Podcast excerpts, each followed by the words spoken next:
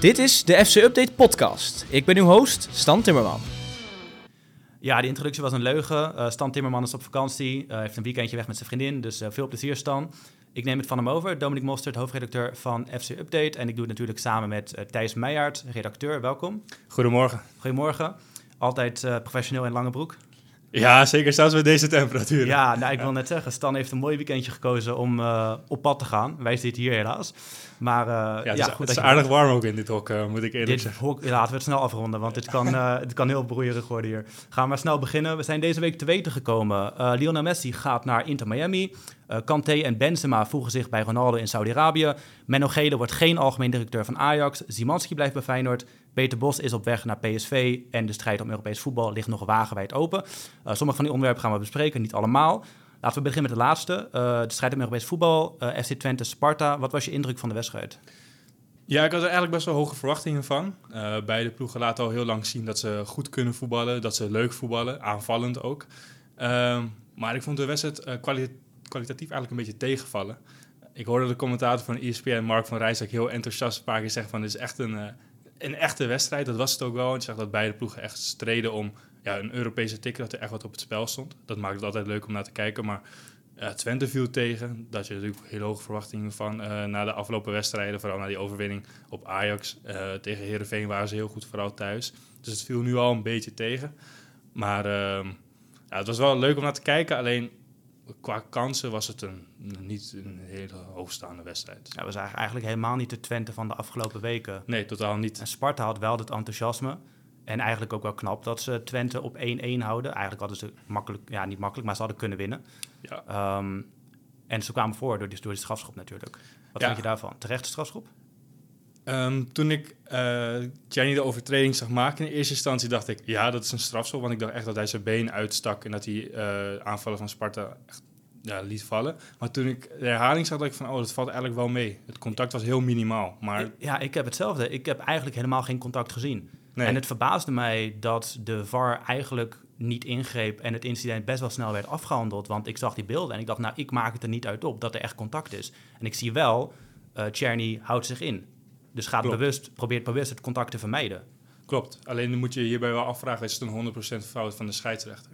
Mm, alleen dan grijpt de VAR normaal gesproken in. Ja, ik snap, ik snap inderdaad die regel. Ik ben zelf meer van de school van ja, niemand hoort de communicatie. Dus je kunt best wel zeggen van, joh, dit is een twijfelgeval, ga even kijken. En dan kan de scheidsrechter alsnog zijn eigen besluit nemen. 100% fout is lastig uh, hard te maken. Maar ik kon dat contact niet hard maken. Dus dan kun je wel denken van, dit is wellicht een fout. Ja, misschien speelde het mee dat Czerny niet uh, eigenlijk ging protesteren. Hij, je, zag wel aan Czerny dat hij verbaasd was, maar misschien meer vanwege zijn eigen actie dan vanwege het besluit van de scheidsrechter. Want het was niet dat hij op de scheidsrechter afstormde of echt van met zijn armen in de lucht zwaaide van hé, hey, dit is toch geen strafschop.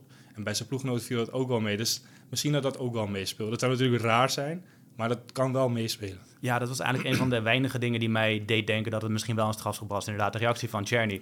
Want er werd inderdaad weinig uh, protest aangetekend. Het werd snel geaccepteerd. Dus dat zou inderdaad kunnen hebben meegespeeld. Uh, het werd uiteindelijk 1-1, doelpunt in de blessuretijd uh, van Twente. Wie denk je dat doorgaat? Twente. Twente, ja. sorry. Ja, die zijn thuis zo sterk. En die 1-1, dat geeft je zo'n boost op zo'n moment in een wedstrijd waarin eigenlijk heel weinig lukt. Ik denk dat Sparta al dacht van dat ze er waren. Maar dan ja, dat was ook heel uh, lullig voor Maurice Stijn eigenlijk. Want hij wisselde vlak van tevoren, gooide hij Oude Sar erin als extra verdediger. Om de boel nog meer gesloten te houden. Maar een minuut later lag die bal er alweer in. Dus dan vraag ik me ook altijd af, is het handig om zo laat nog zo'n verdedigende wissel toe te passen? Ja, het was inderdaad, het was ook ongelukkig natuurlijk de keeper die uitkwam en hem net niet had. Het was ook gewoon een hele goede voorzet.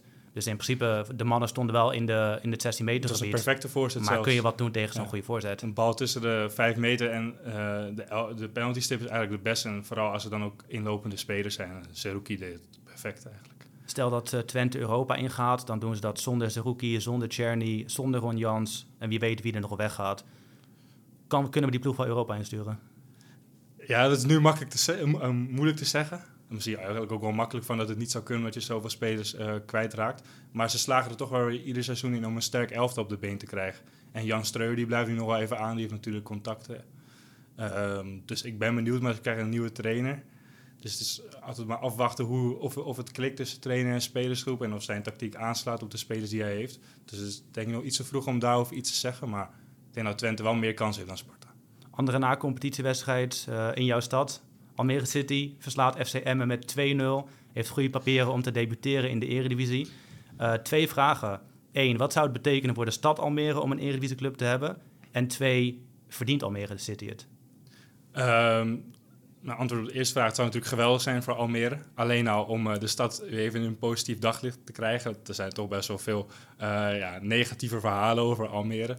Vooral als Almere, dan krijg je ook vaak mee. Als je vertelt van, hé, hey, ik kom uit Almere, dan zie je direct aan de gezichtsuitdrukking van een ander van, oeh, ik weet niet of ik wel met hem moet praten. uh, maar dat zou natuurlijk geweldig zijn voor de stad en voor de club ook, want ze, ze leven hier eigenlijk al jaren naartoe. In 2018 waren ze er heel dichtbij.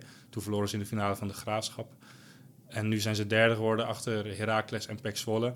En dat is gewoon heel knap als je ook ziet hoe sterk de competitie dit seizoen was. De keukenkampioen-divisie. En uh, ja, mijn antwoord op vraag 2, of ze het verdienen. Ja, ze verdienen het zeker. Zoals ik net al zei, derde geworden in de keukenkampioen-divisie. Wel nog op gepaste afstand van Heracles en Pek Zwolle. Maar in de na competitie al afgerekend met FC Eindhoven, VVV, toch wel een grote ploeg in de keukendivisie. En ze winnen nu van, met 2-0 van de nummer 16 van, FC, uh, van de Eredivisie. En dik verdient ook. Dus ja, waarom zouden ze het niet verdienen? Het is ook niet de eerste keer natuurlijk dat ze dichtbij zijn. Er zijn de afgelopen seizoenen meerdere keren hoog geëindigd, meerdere keren dichtbij geweest. Dus dit, dit komt niet uit het niks. Nee, en ze spelen ook gewoon leuk voetbal. Precies, Het is geen afwachtende ploeg. Het was juist Emmen die uh, met de kont in eigen sessie ging hangen en wachtte op een fout bij Almere City. Ja, dan vraag je er ook om, uh, ja, om om afgestraft te worden eigenlijk. Ik herken ook wat je zegt over Almere zelf. Mijn moeder komt er vandaan, dus ik ben er wel met enige regelmaat. Ik woon er niet. Uh, maar inderdaad, er heerst een bepaald negatief beeld van mensen die niet uit Almere komen over Almere. En ik heb het altijd onterecht gevonden. Ik vind het een prettige stad om erheen te lopen. Ik vind de passage heel leuk. Kun je lekker uit eten gaan. Uh, prima binnenstad eigenlijk. Ik heb daar helemaal geen problemen mee. De stad heeft eigenlijk alles voor als je een dagje ja, erop uit wil, naar de stad wil lekker winkelen, lekker eten, een bioscoop hebben. Dus ja, ik weet ook niet waar dat vandaan komt. Misschien van, ja, omdat mensen denken van het is misschien een beetje een soort Amsterdam light, weet je wel. En het is ook een nieuwe, relatief nieuwe ja, stad. Dus klopt. mensen hebben er geen binding mee zoals ze dat hebben met andere steden. Geen historie inderdaad. En dat geldt ook een beetje voor Almere City. En daardoor zijn er best wel veel mensen van, ook door het stadion natuurlijk. Dat heeft uh, weinig met de Eredivisie te maken. Maar goed, wie weet wat er allemaal uit kan komen als ze naar de Eredivisie gaan. Ik bedoel, er is genoeg ruimte in, in Almere om een nieuw stadion te bouwen. Dus, uh, exact, dat, dat, dacht ik ook. Ja, er zit veel potentie in. Ja. ja, precies. En de andere wedstrijd deze week, dat was natuurlijk de finale van de Conference League. Uh, West Ham United wint in de slotfase de finale van Fiorentina. Nou, over die wedstrijd wil ik niet al te lang praten, want het was niet zo heel spectaculair. Uh, het belangrijkste, of in ieder geval de meest opvallende gebeurtenis, was natuurlijk uh, Biragi. Die werd getroffen door uh, plastic bekers vanuit de tribune. Ja. Leek te gaan om hard plastic. bloeden flink hebben we ook gezien bij Davy Klaassen. Jij, ik denk dat jij ook meteen aan Klaassen moest denken, of niet? Ja, eigenlijk wel. Ja. En ook, maar nu als uh, zoiets gebeurt, denk je ook direct van... oh, de wedstrijd wordt stilgelegd. Maar dat is natuurlijk alleen in Nederland zo. En ja. dan wordt er gewoon doorgevoetbald. De wedstrijd werd heel even stilgelegd... maar daarna gewoon weer gevoetbald alsof er niks aan de hand was. Dus dat is wel een koppeling die je dan moet maken tijdens zo'n wedstrijd. Het is best grappig hoe snel dat gaat en hoe snel je daaraan went. Ja. Want die regels dat het wordt gestaakt... zijn eigenlijk nog niet zo lang in Nederland um, van kracht. Nee. En Davy Klaassen is ook niet zo lang geleden... Maar toch vind je het raar dat die wedstrijd doorgaat. Klopt. Dan denk je van dit zou gestaakt moeten worden, want er wordt een speler aangevallen. Maar dat ja, is niet zo. Klopt. Ja. dat is inderdaad apart hoe dat gaat. En, en het is natuurlijk nu ook al in Nederland als er een uh, zo'n plastic bekertje of plastic beker op uh, het veld uh, belandt, wordt, je al, wordt de wedstrijd al stilgelegd. Nu, ja, kan niet tegen zijn hoofd aan. Dan denk je, dan weet je, dan is het wel voor mij een reden om de wedstrijd even stil te leggen. Ook omdat de wedstrijd supporters de hele tijd dingen aan het gooien waren. Dus dan is het wel een goed moment om even te zeggen van we stoppen even en die West Ham supporters komen even tot rust. Het was ook niet één beker. Je zag dat op tv. Ja. Dat waren er echt zes tegelijk. Klopt. Die, uh, zijn richting, dan kan je ook gewoon geen corner ook nemen. Ook richting de assistent scheidsrechter trouwens. Ja. Dus ja, dan snap ik wel helemaal dat wedstrijd wordt stilgelegd. Ja. West Ham won de Conference League finale met 1-2. Uh, Stan die is dit weekend weliswaar afwezig, maar die sprak gisteren met een supporter, Wesley, een Nederlandse jongen die supporter is van West Ham United. Die was aanwezig in Praag. Laten we even luisteren naar dat interview. Ja, Wesley, jij was dus uh, gisteren bij, uh, of nou, bij de finale. Je was in ieder geval in Praag, helaas niet in het stadion. Ben je in ieder geval een beetje bijgekomen van, van de wedstrijd van gisteren? Nou, amper. Het is, uh, ja, de hele week is chaos geweest. Van, we kwamen maandagavond aan en toen eigenlijk al begonnen met, ja, met opbouwend feesten tot, tot de finale. En gisteren ging het helemaal los. Dus weinig geslapen, vol adrenaline, maar het was het zeker waard. En nu alle tijd om bij te komen. Ja, want waar komt jouw liefde voor West Ham United eigenlijk vandaan? Want je bent gewoon een Nederlander en ja, West Ham is toch een club dat ligt niet, niet om de hoek, zeg maar. Nee, klopt. Dat komt van mijn opa. Mijn opa heeft vroeger heel lang in Oost-Londen gewerkt. En uh, hij vertelde vroeger, uh, heeft mijn vader heel veel verteld over West Ham. Ik heb mijn opa zelf niet echt gekend. Alleen mijn vader heeft die verhalen aan mij doorverteld. En zo ben ik de club wat meer gaan volgen. Begon ik uiteindelijk met ze te spelen op FIFA en uh, een carrière met ze te doen. En zo steeds intensiever gaan volgen en uh, een paar keer naar het stadion geweest. En uh, ja, eigenlijk toen is het echt een grote liefde geworden in Engeland. En sowieso in het buitenland eigenlijk. Dit seizoen is het nou niet echt super goed in de competitie. Nou, Europees is het natuurlijk wel, uh, wel super gegaan dit seizoen. Heb je nog wedstrijden bezocht dit seizoen uh, van West Ham? Ja, zeker. Ik ben dit seizoen naar West Ham Southampton geweest. Die wedstrijd wonnen we gelukkig ook. Dat is wel mooi. Ik heb Ham nog nooit live zien verliezen als ik erbij was. Dus dat is... Uh, je moet hem nou niet gaan jinxen, hè, trouwens? nee, nee, nee. ik heb best afkloppen. Maar uh, ja, dit jaar, dit jaar naar West Ham Southampton. En uh, verder was het nog wat lastig. Maar ja, toch bij de finale in Praag. En, in ieder geval in de stad kunnen zijn en kunnen feesten met andere sporten die, die finale tegen Fiorentina, ik heb hem gekeken. Ja, het was echt, uh, ja, weet je, ik vond het al spannend. Dan uh, zal het bij jou nog wel een stapje erger zijn. Uh, ja, dat, dat is wel een understatement. Dat, het, de spanning was echt snijden. We, we waren relatief vroeg al in die fanzone. Even lekker de sfeer proeven, rustig een biertje gedronken daar. En nou ja, na aanloop van de wedstrijd, de sfeer werd steeds beter en steeds, het was hartstikke gezellig. En um, ja, toen die wedstrijd eenmaal begon, iedereen die ja, die stond strak van de spanning. Dat was niet te doen. Ik denk dat mijn hartslag op een gegeven moment op 165 zat. En uh, ja, toen, die 2-1 van Bowen erin viel in de laatste minuut. Echt, ik heb nog nooit zo'n zo'n orkaan aan geluid en zo'n explosie van vreugde meegemaakt. Nee, dat, dat, geloof ik inderdaad. Want het was natuurlijk ook lang wachten op een doelpunt. Maar toen die, nou ja, toen die uiteindelijk viel, ging het los, lijkt me. Nou ja, vertel nu ook al een beetje. Ja, die, die 1-0, het moment dat ik bij de VAR ging kijken, iedereen op het lijn wist eigenlijk al van, nou, die moet op de stip gaan, dat kan niet anders. Um, we vonden het allemaal heel vreemd dat hij zo lang moest kijken. Ja, toen hij inderdaad floot van naar, naar die stipwees, toen, toen was het al gekke huis. Toen bij Raam, toen bij Raam aan binnenschoot was het helemaal, uh, helemaal feest. Dat diende wel weer iets in, omdat meteen weer die gelijkmaker kwam. Maar bij die, bij die winnende goal, dat was echt absurd. Echt, ja, ja fenomenaal. Ik heb geen andere woorden voor, maar het was echt fantastisch. En want ik zag ook nog wat video's uh, op Twitter voorbij komen. En natuurlijk ook jouw tweet over na de wedstrijd. Dat het een beetje onrustig was uh, op sommige momenten in Praag. Wat heb jij daar verder van meegekregen? Ja, voor de wedstrijd eigenlijk niet heel veel. Ik heb natuurlijk wel, wel wat voorbij zien komen. Maar dat, ja, daar eigenlijk niks van gemerkt. Ook de dagen daarvoor niet. Het was allemaal super gemoedelijk heel veel West en wat minder Fiorentina. Maar de, Fiorentina fans die er waren, nou, liep het gezellig door de West Ham fans in, in, in, in menigte. Dat was echt... Um, Zoals het zou horen, zeg maar. Zoals het hoort bij de Europese finale natuurlijk. En um, ja, op een gegeven moment waren we met een hele grote groep uit de fanzone richting, de, richting Old Town Square gegaan. Maar ook voor de wedstrijd al een beetje werd gefeest. En daarvoor, waren de dagen ervoor werd gedronken ja, op een gegeven moment stak, stak iemand een uh, fakkel af. En ik, wij zien links van ons zien opeens echt een echt met, met 20 uh, ME-agenten met, met getrokken waterstokken op die menigte inrennen en slaan. En dus wij, wij zijn ook meteen daar weggelopen. En toen kwamen er allemaal honden bij. En uh, ja, naar mijn idee onnodig. Het was uh, super moeilijk, er was echt niks aan de hand. Maar ja, dat was, uh, was wel een smetje op de avond helaas. Maar dat mag de pret niet drukken, toch? Nee, zeker niet. Het, uh, West Ham heeft de Europese finale gewonnen. En we hebben een super mooi feestje gevierd in de fanzone. Op, op de dagen ervoor. Het, is echt, uh, ja, het was echt prachtig. Ja, want je, je zegt inderdaad mooi feestje, leuke sfeer. Maar het was tijdens de wedstrijd. Althans, ik, ik schrok wel een beetje. Want toen de speler van Fiorentina een beker op zijn hoofd kreeg en hij ging bloeden, dacht ik, shit, de wedstrijd wordt gestaakt. Maar goed, dat zijn natuurlijk alleen de regels in Nederland. Hoe reageerde jij toen jij dat zag gebeuren? Dacht je toen ook van, oh nee, ze gaan nu de wedstrijd stilleggen? Ja, dat, dat zei ik ook tegen die vrienden van mij. In Nederland was de wedstrijd al vijf keer gestaakt. Want daarvoor natuurlijk al wat, wat, wat, wat bierglazen op het veld. En toen begonnen ze ook nog met andere dingen te gooien. Volgens mij werden we een tape of iets gegooid. Zo wel met de scheidsrechter in de handen zag. Ja, en dat hoort natuurlijk gewoon niet bij een finale. Dat hoort überhaupt niet thuis in het voetbal. Het is, het is uh, zo zonde, want vooraf was het allemaal super gemoedelijk. En ik denk dat de West echt een goede naam voor zichzelf hebben gemaakt tot dat moment. En dat, uh, ja, dat wordt gewoon niet thuis in voetbal. Nee, dat klopt. Nou ja, goed, laten we hopen dat uh, nou, de Nederlandse regels een beetje over gaan sijpelen naar de UEFA. Dat we dan ook dat, uh, dat gooien, dat we dat zo snel mogelijk de kop in kunnen drukken. Um, West Ham natuurlijk door de Conference League winst gaan ze de Europa League in. Ajax die speelt uh, de voorronde van de Europa League. Dus het kan zomaar zijn dat jouw twee clubs, Ajax en West Ham, tegen elkaar moeten in de Europa League volgend jaar. En ja, dan is de vraag, voor wie ben je dan? Of ben je dan voor allebei? Um, lastig.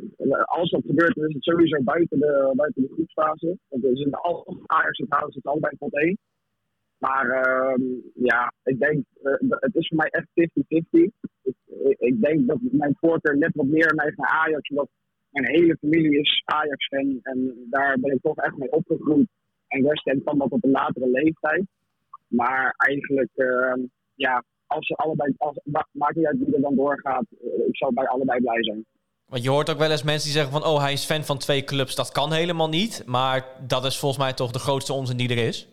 Ja, dat lijkt me wel. Zeker als het om clubs gaat die eigenlijk niks met elkaar te maken hebben.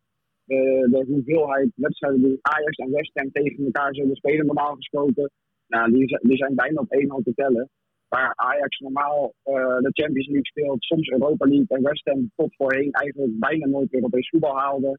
Ja, het zijn twee clubs uit verschillende landen. Het is, uh, wat mij betreft, kan dat gewoon. En uh, ja, ik heb ook echt wel evenveel liefde voor allebei de clubs. Ja, interessant einde. Je kunt supporter zijn van twee clubs. Natuurlijk kan dat met elkaar conflicteren als die clubs elkaar daadwerkelijk treffen. Hoe denk jij daarover? Kan je supporter zijn van twee verschillende clubs? Ik denk het wel, omdat ik altijd denk, uh, stel het land waar je vandaan komt, in dit geval Wesley is Nederlander en hij is ook uh, supporter van Ajax, dan denk ik dat zijn eerste voorkeur naar Ajax gaat en dat West Ham zeg maar op plek 2 komt. Dat is bij mij eigenlijk wel hetzelfde. Ik heb een, in Nederland een, st een, sterke voorkeur voor Ajax en in het buitenland voor FC Barcelona. Maar als beide ploegen tegenover elkaar zijn, dan ben ik voor Ajax, omdat ik met die club meer ben opgegroeid dan met FC Barcelona. Beetje hetzelfde als Wesley eigenlijk. Ja. En maar twee clubs in Nederland zou dat ook kunnen dat maakt het dan een stuk lastiger. Maar dat maakt het ook minder geloofwaardig, naar mijn mening. Want je kan niet voor twee clubs in hetzelfde land juichen, denk ik dan. Omdat ja, ze zijn op de een of andere manier toch elkaars concurrenten. Als je elkaar tegenkomt. Over Barcelona gesproken. De quizvraag van Frank gaat deze week over de transfer van Lionel Messi uh, naar Inter Miami. En laten we die even afspelen. De quizvraag van Frank. Goedemorgen Dominique en Thijs. Ja, we gaan het hebben over het nieuws van deze week. Lionel Messi naar Inter Miami. Hij uh, gaat dus niet opnieuw samenspelen met Frenkie de Jong bij Barcelona, maar in plaats daarvan met Nick Marsman in de MLS. Marsman wordt de achtste Nederlander die samenspeelt met Messi. De vraag aan jullie, wie waren de eerste zeven? Heel veel succes! De eerste zeven Nederlanders die samenspeelden met Lionel Messi. Um, of ik echt op volgorde, chronologische volgorde, dat weet ik denk ik niet. Maar um, Mark van Bommel natuurlijk. Giovanni van Bronckhorst. Ibrahim Afellay. Um, ja, Frenkie de Jong. Zijn er vier? Zo, moeten we even goed nadenken zeg. Nog drie te gaan. Jasper Sillissen. Vijf.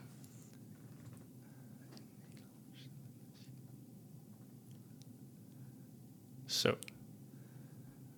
Ja, heel veel Nederlanders spelen tegenwoordig niet meer bij FC Barcelona. Waar is hij nog meer gespeeld? Paris Saint-Germain? Welke Nederlanders oh, spelen daar? Xabi Simons Zes. en Mitchell Bakker. Nee, Nee? nee dat Ah. dacht ik dus ook. Want Frank stuurde deze vraag naar mij. Ik dacht ook inderdaad Mitchell Bakker. Maar het is Wijnaldum. Wijnaldum natuurlijk, ja. Ja. Oh ja, goed. Mitchell Bakker die vertrok eh, in 2021 voordat Ja. Messi kwam. Ja, Dus klopt, inderdaad. Ja. Ja, Wijnaldum. Ja, dat zou je ook weer bijna vergeten dat hij bij PSG heeft gespeeld. Nou, Wijnaldum wist ik dus wel. Bij mij ging het mis bij Xavi Simons. Ja. Want dat zit in mijn hoofd zit dat niet als een eerste elftal speler van Paris Saint-Germain. Maar ik heb het opgezocht en ze hebben wel degelijk wedstrijden samen gespeeld. Ja, is bij mij toevallig nog blijven hangen omdat hij laatst een, eh, een interview had. En toen werd hem ook gevraagd naar, eh, naar Messi. En toen zei hij direct van, ja, de GOAT. Dus daardoor is het wel blijven hangen dat eh, Simons ook met Messi samen heeft gespeeld. Ja. Nou, hij gaat natuurlijk naar Inter Miami. Wordt daar wellicht herenigd met eh oud-ploeggenoten als Suarez, Busquets, Jordi Alba. Vind je het een goede move dat hij daarheen gaat? Ja, uiteindelijk wel. Ik had hem heel graag bij FC Barcelona terug zien keren. Ik denk wel eh, meerdere voetballiefhebbers. Maar eigenlijk is dat geen moment echt realistisch geweest. Ondanks dat de president van Barcelona, Laporta, meermaals heeft gezegd, we gaan er alles aan doen om Messi terug te laten keren. Maar ik denk dat het vooral voor Messi persoonlijk eh, een verstandige move is. Na twee lastige jaren in Parijs, ook zijn familie heeft het daar ook lastig gehad. Veel kritiek gehad daar ook. Zelfs in zijn laatste wedstrijd voor PSG uitgefloten. Dan is het wel goed om ehm, ja, gewoon even een stapje terug te doen. Hij wordt ook 36 op 24 juni. Dat weet ik toevallig omdat mijn- vriendin dan ook jarig is. zij moet dit, zij moet dit niet horen. maar eh, nee, ik denk dat het een verstandige move is. Daar kan hij zich ook eh, optimaal, denk ik, voorbereiden op het WK van 2026. Want ongetwijfeld dat hij dat WK nog wil spelen. Ehm, het voelt wel een beetje als het afscheid van Messi van het wereldtoneel. In ieder geval, hij verdwijnt uit Europa. Ronaldo is natuurlijk al vertrokken en Messi nu ook. Echt de twee grootheden wel van, ja, van onze generatie eigenlijk. In ieder geval van mij. Ehm, dus dat is wel jammer. Ook het gevoel dat hij niet meer in de Champions League gaat spelen. Het voelt toch gewoon een beetje, een beetje raar. Europa loopt leeg. Benzema gaat er ook heen. eh Kanté gaat Ja. er nu ook heen. Klopt. Ja, het- het is inderdaad een andere tijd. Ja, Zorgt klopt. het er ook voor, denk je, dat jij de MLS straks beter gaat volgen? Ehm, ja, ESPN zendt de wedstrijden uit, weet ik. Maar dat zijn natuurlijk wel op, op tijden wij waarop wij normaal gesproken in bed liggen en te slapen. Dus ik denk niet dat ik echt daarvoor opblijf. Maar ik zou het wel leuk vinden om een keer een wedstrijd te kijken van Messi. Maar ik ga de competitie niet intensiever volgen dan ik in eerste instantie deed. Dan Ja, de meeste wedstrijden zijn s'nachts. Het komt ook wel eens voor dat ze om 11 uur s'avonds beginnen bijvoorbeeld. Klopt. Tijdsverschil met Miami is eh, uit mijn hoofd 6 uur. Dus Ja. soms is dat nog wel te doen. En ik moet zeggen, ik kan die move ook heel goed begrijpen. Maar ik ben dan ook een liefhebber van de VS. Ik ben ook in Miami geweest. Oké. Nou ja, één ding weet ik wel. Je kunt daar met Spaans eh, uit de voeten, zeg maar. Je Ja, kunt er heel veel. Argentijnen daar ook, toch? Eh, nou, heel- ja, sowieso heel veel mensen uit Latijns-Amerika. Ja. Eh, dus verschillende landen uit Latijns-Amerika, Cuba, Argentinië, Brazilië, kom je allemaal tegen daar. Ja. Mexicanen natuurlijk. Dus je kunt ze zeker met Spaans uit de voeten. Ehm, ik, het is gewoon een prettige omgeving om te wonen als je veel geld hebt. Ja. En dat heeft hij natuurlijk. Eh, dus in die zin snap ik dat. Hij wil ook uit de spotlights geeft hij aan. ja. Eh, dus ja, we gaan, ik ga hem in ieder geval zeker eh, nadrukkelijker volgen. Is de club er ook klaar voor trouwens? Want hadden- vond ik opvallend. We hadden natuurlijk een artikel over Nick Marsman mee van de week. En die zei dat de club er eigenlijk helemaal niet klaar voor is. Ja, en hij, maar dat, het, het klonk echt alsof hij een beetje aan de, aan de bel trok. Want Ja. hij had het ook over de beveiliging die niet op orde zou zijn voor een wereldster als Messi. En dat vond ik wel opvallend. Ik heb geen idee ehm, wat daaruit gaat volgen. Maar het is natuurlijk wel de club van David Beckham. Ja. Het is niet de eerste wereldster die ze gaan verwelkomen.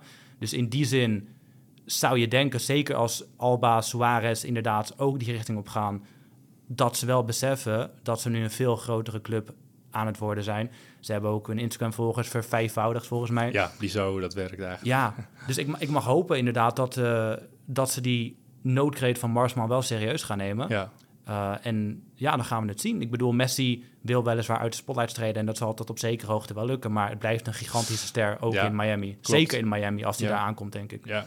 Ja, want ik had de eerste reactie vanuit Miami ook wel gezien. En ze waren allemaal dol enthousiast dat Messi die kant op komt. Dat snap ik ook, want voor de stad is het natuurlijk ook geweldig. En helemaal voor de club, voor de competitie. Dus ik ben inderdaad wel benieuwd hoe ze dat gaan aanpakken. Ja. Ik kan me ook herinneren toen uh, Zlatan Ibrahimovic naar LA Galaxy ging... dat hij ook een ster was. Ja. En dat hij ook aanschoof bij Jimmy Kimmel... en eh, werd behandeld als een grootheid. Al zal Messi dat wel minder hebben, Die denk gaat- ik. Want eh, natuurlijk eh, ook eh, deze week ook wel eh, onderwerp van gesprek. Want hij natuurlijk zijn laatste wedstrijd gespeeld. Maar die, die heeft natuurlijk wel wat meer last van grootheidswaanzin dan, dan Lionel Messi. Dus ik denk dat daar wel een verschil in Die gaat ook met plezier aanschuiven natuurlijk. Ja, Ja. klopt. Ehm, verder hebben we deze week gehad Hakim Ziyech, die naar Moskou is gegaan om zijn goede vriend eh, Quincy Promes op te zoeken. Ik vind dat lastig. Eh, sommigen zeggen daarover, ja, vrienden ben je door dik en dun, ongeacht wat er is gebeurd. Hoe denk jij daarover? Is het, is het verantwoord om naar Moskou te gaan om Promes op te zoeken? Ik vind het niet verantwoord. Eh, Dat heeft meerdere ne- redenen. Het ligt vooral gevoelig natuurlijk ook omdat eh, onlangs nog bekend werd dat Promes ook wordt vervolgd vanwege betrokkenheid bij drugsmokkel. Ehm, Oekraïne is in oorlog met Rusland.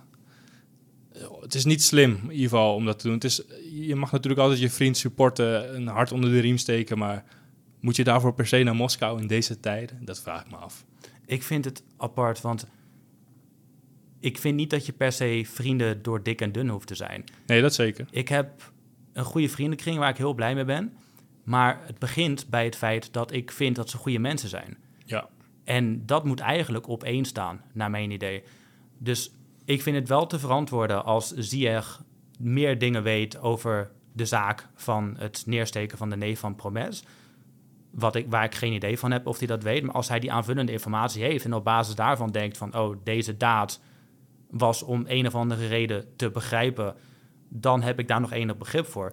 Maar als hij die informatie niet heeft, dan denk ik van ja, op een gegeven moment trek je toch je handen van iemand af, zou je denken. Klopt. Als jij hier op kantoor iemand gaat neersteken, dan zeg ik ook van ja, Thijs, het was leuk om je gekend te hebben, maar Ja. succes in de gevangenis. Klopt. Toch? Ja, klopt. En dat maakt het ook lastig omdat wij niet precies weten wat er is gebeurd. En Ja, dat er ook waar. nog geen eh, ja, definitief, eh, ja, definitieve uitspraak is geweest. Hij is, eh, de, de eis is twee jaar cel inderdaad, Ja. maar de rechter doet op 19 juni uitspraak, dus dat gaan we zeker volgen. Klopt. Hij stond maandag ook terecht voor eh, de, de, de zaak van drugsmokkel.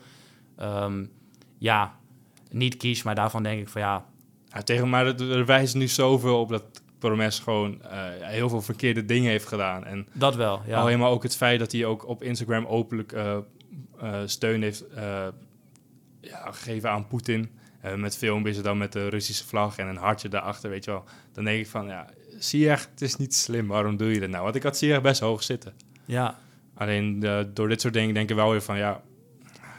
Dan komen voetballers komen ook meteen weer in zo'n negatief daglicht. Dat vind ik vooral jammer. Dat denk ik toch de mensen die al voetballers al niet zo slim vinden. Ik zo, kijk, zie je, ze zijn echt niet zo snugger. Maar dat is, dat is gewoon jammer, want volgens mij zie je helemaal niet zo. En hij heeft in het verleden ook heel veel eh, buiten het voetbal maatschappelijk goede dingen gedaan.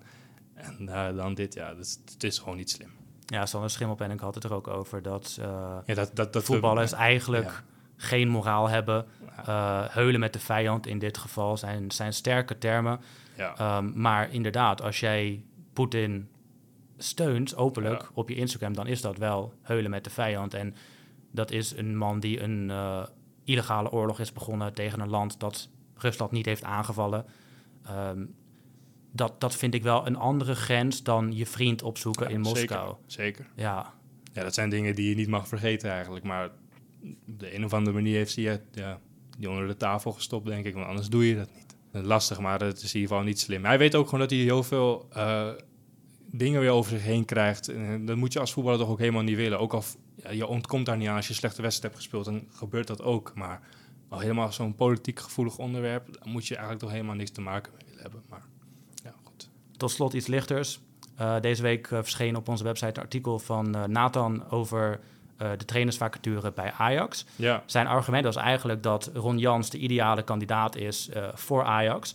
En hij heeft natuurlijk deze week tegen Sparta niet laten zien wat hij wil laten zien met Twente. En het voetbal was niet zoals we dat gewend zijn. Maar we kunnen wel zeggen dat Ron Jans uitstekend heeft gepresteerd bij FC Twente. En niet alleen bij Twente, bij meerdere clubs. Hij heeft, dit waren in ieder geval de argumenten van, van Nathan. Hij heeft meer ervaring met het winnen van prijzen dan een Peter Bos. Want hij heeft Pek Zwolle naar de KNVB-beker eindzegen geloodst. En vervolgens ook naar de Johan Cruijffschaal. Wat ja. met terugwerkende kracht toen ook al hoor. Maar een krankzinnig goede prestatie is geweest. ja twee zegens op Ajax. 5-1 daaronder. Ehm, Nathan schrijft ook, nou, hij staat voor attractief aanvallend voetbal. Eh, en dat is precies wat Sven Mislintat aangegeven heeft te zoeken in een trainer. Tegelijkertijd heeft hij met Twente de defensieve degelijkheid waar Erik ten Hag succesvol mee was. Afgelopen seizoen slechts 27 tegengoals. En tot slot, hij laat ook talentvolle spelers doorbreken. Zerouki, Hilger, Smal, Ugalde zijn onder zijn leiding doorgebroken. En sommige worden voor veel geld verkocht. Dus lang verhaal kort, ziet Ajax de meest logische kandidaat over het hoofd? Ehm, ja, de meest logische weet ik niet. Want ehm, hij kent het Nederlands, Nederlands voetbal heel goed en de eredivisie. Volgens mij is Missing dat ook, zei hij, op zoek te gaan naar ook een trainer die eh, het Nederlands voetbal ook wel goed kent. Ehm, ja, Jans kent de eredivisie ja, als, een, als een binnenzak. Maar ja, hij heeft, qua Europees gezien heeft hij natuurlijk niet heel veel ervaring. Bij Standard Luik is hij na een paar maanden ontslagen. Ehm, en dat was al geen, geen topclub in die tijd, want het seizoen ervoor hadden ze Europees voetbal misgelopen.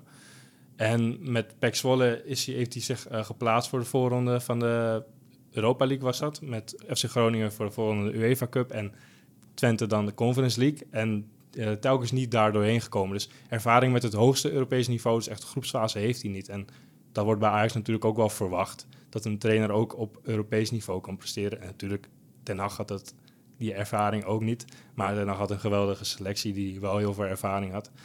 Dus ja, het is wel lastig om te zeggen dat, hij de ideale trainingskandidaat is. Maar misschien staat hij wel op een lijstje. Alleen, ehm, ja, het is mijn gevoel ook net zoals met spelers uit de Eredivisie. Ik zou die niet zo snel halen als Ajax. Ehm, om, ja, ook vanwege de ervaring die je in het buitenland opdoet. Uh, dat is toch uh, vaak wel een, ja, een kwaliteit ook die je meeneemt. En hetzelfde geldt voor Jans. Ja, het is wel lastig. Ik vond het wel een goed artikel van Nathan. Ik begrijp ook wel dat hij zegt ideale trainingskandidaat. Maar ik denk dat het misschien dat toch ook wel wat verder kijkt dan, uh, dan type Jans. Ja. Je hebt het over de ervaring die een trainer in het buitenland heeft opgedaan.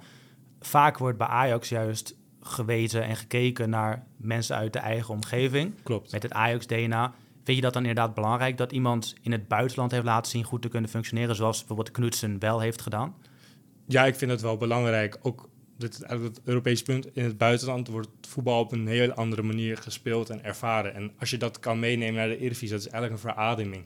Ehm, maar je ziet dat, in Nederland, dat we in Nederland wel uh, moeite kunnen hebben met een trainer van, die van buitenaf komt. Kijk maar bijvoorbeeld hoe uh, Roger Smit ja, eigenlijk werd behandeld, ook door uh, Nederlandse media. Die is eigenlijk bijna vanaf het begin direct naar de, naar de achterdeur geschreven. Um, maar juist die trainers uit het buitenland, die ja, bijvoorbeeld zo'n uh, Chateau Knutsen, die, die uh, wordt genoemd, die heeft met Bodo Glimt echt, echt verrast in de Conference League was dat, tegen AS Roma. Ja, die wonnen toen met uh, 5, 6-1 denk ik, voor eigen publiek. Natuurlijk, ja, Mourinho... Dat zal een Nederlandse club nooit lukken, met nee, 6-1 winnen precies. van Mourinho. Nee, en natuurlijk, het, het, het helpt dat je op kunstgras speelt. En Italiaanse clubs zijn dat totaal niet gewend. En Mourinho, je had ook wel een punt over... ja, op zo'n veld kan je niet voetballen, horen in Nederland ook vaak genoeg. Maar dat zegt wel iets. Uh, Ron Jansen die werd bijvoorbeeld door een Fiorentina eigenlijk op zijn Mourinho's uitgeschakeld. Want Mourinho en wat Fiorentina en Enschede deed, was alles behalve voetballen.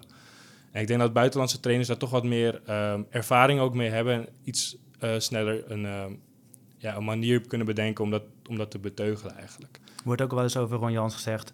Goede trainer, maar geen Ajax-persoonlijkheid. Geen charisma of een bepaald... Nou, charisma heeft hij, vind ik wel. Ik vind hem leuk voor de camera's. Maar een bepaalde allure die hij niet zou hebben. Vind je dat enig argument? Nee, eigenlijk niet. Want dat had Ten Hag ook niet. Bijvoorbeeld toen hij bij Ajax kwam. Toen was er heel veel kritiek op, ja, op zijn accent. Uh, toen moest hij toen volgens mij ook heel veel uh, cursussen gevolgd, zodat hij meer als Amsterdammer zou klinken. Ja? Volgens mij wel. Ja, Grappig, ik kan dat, dat wel. nooit geweten. Want hij had, er was in het begin heel veel kritiek op uh, zijn interviews die hij gaf als Ajax-trainer, omdat hij niet heel goed uit zijn woorden kwam. Dat weet ik zeker. Ja. Eigenlijk dezelfde kritiek die hij in het begin in Engeland kreeg, omdat zijn Engels niet heel goed is. Maar um, ja, ik vind dat eigenlijk geen punt daarop stel je toch geen trainer aan. Uiteindelijk gaat het toch ook wel om zijn kwaliteiten op voetbalgebied. Ja, ben ik het helemaal mee eens. En natuurlijk is het wel een, een voordeel als je een trainer kan neerzetten die zich uh, staande houdt, ook vooral tegen de druk uh, die je als trainer van Ajax hebt. En dat is eigenlijk ook wel een punt dat ik denk van, is Jans dan wel de ideale trainingskandidaat? Van die druk, dat soort druk dat je bij Ajax heeft, heeft hij nog nooit ervaren. Bij Twente, ja, moet je presteren, maar je moet geen kampioen worden. Je moet niet elke wedstrijd winnen met verzorgd, goed en aanvallend voetbal. Je moet niet Europees presteren. Bij Ajax komt gewoon heel veel ja, andere dingen kijken dan bij een club als FC Twente of FC Groningen, PEC Zwolle, waar die heeft gepresteerd. Dat is ook logisch. Maar dat is ook een punt dat ik denk van, ja, hij heeft het niet in de top laten zien. En dan zou ik toch eerder voor een trainer kiezen die in ieder geval... Um, ja, moet ik zorgen dat ik die mezelf tegenspreek. Want uh, ja, Knutsen die heeft het competitie heb ik niet heel veel weet van. Het is volgens mij ook niet de beste competitie in Europa.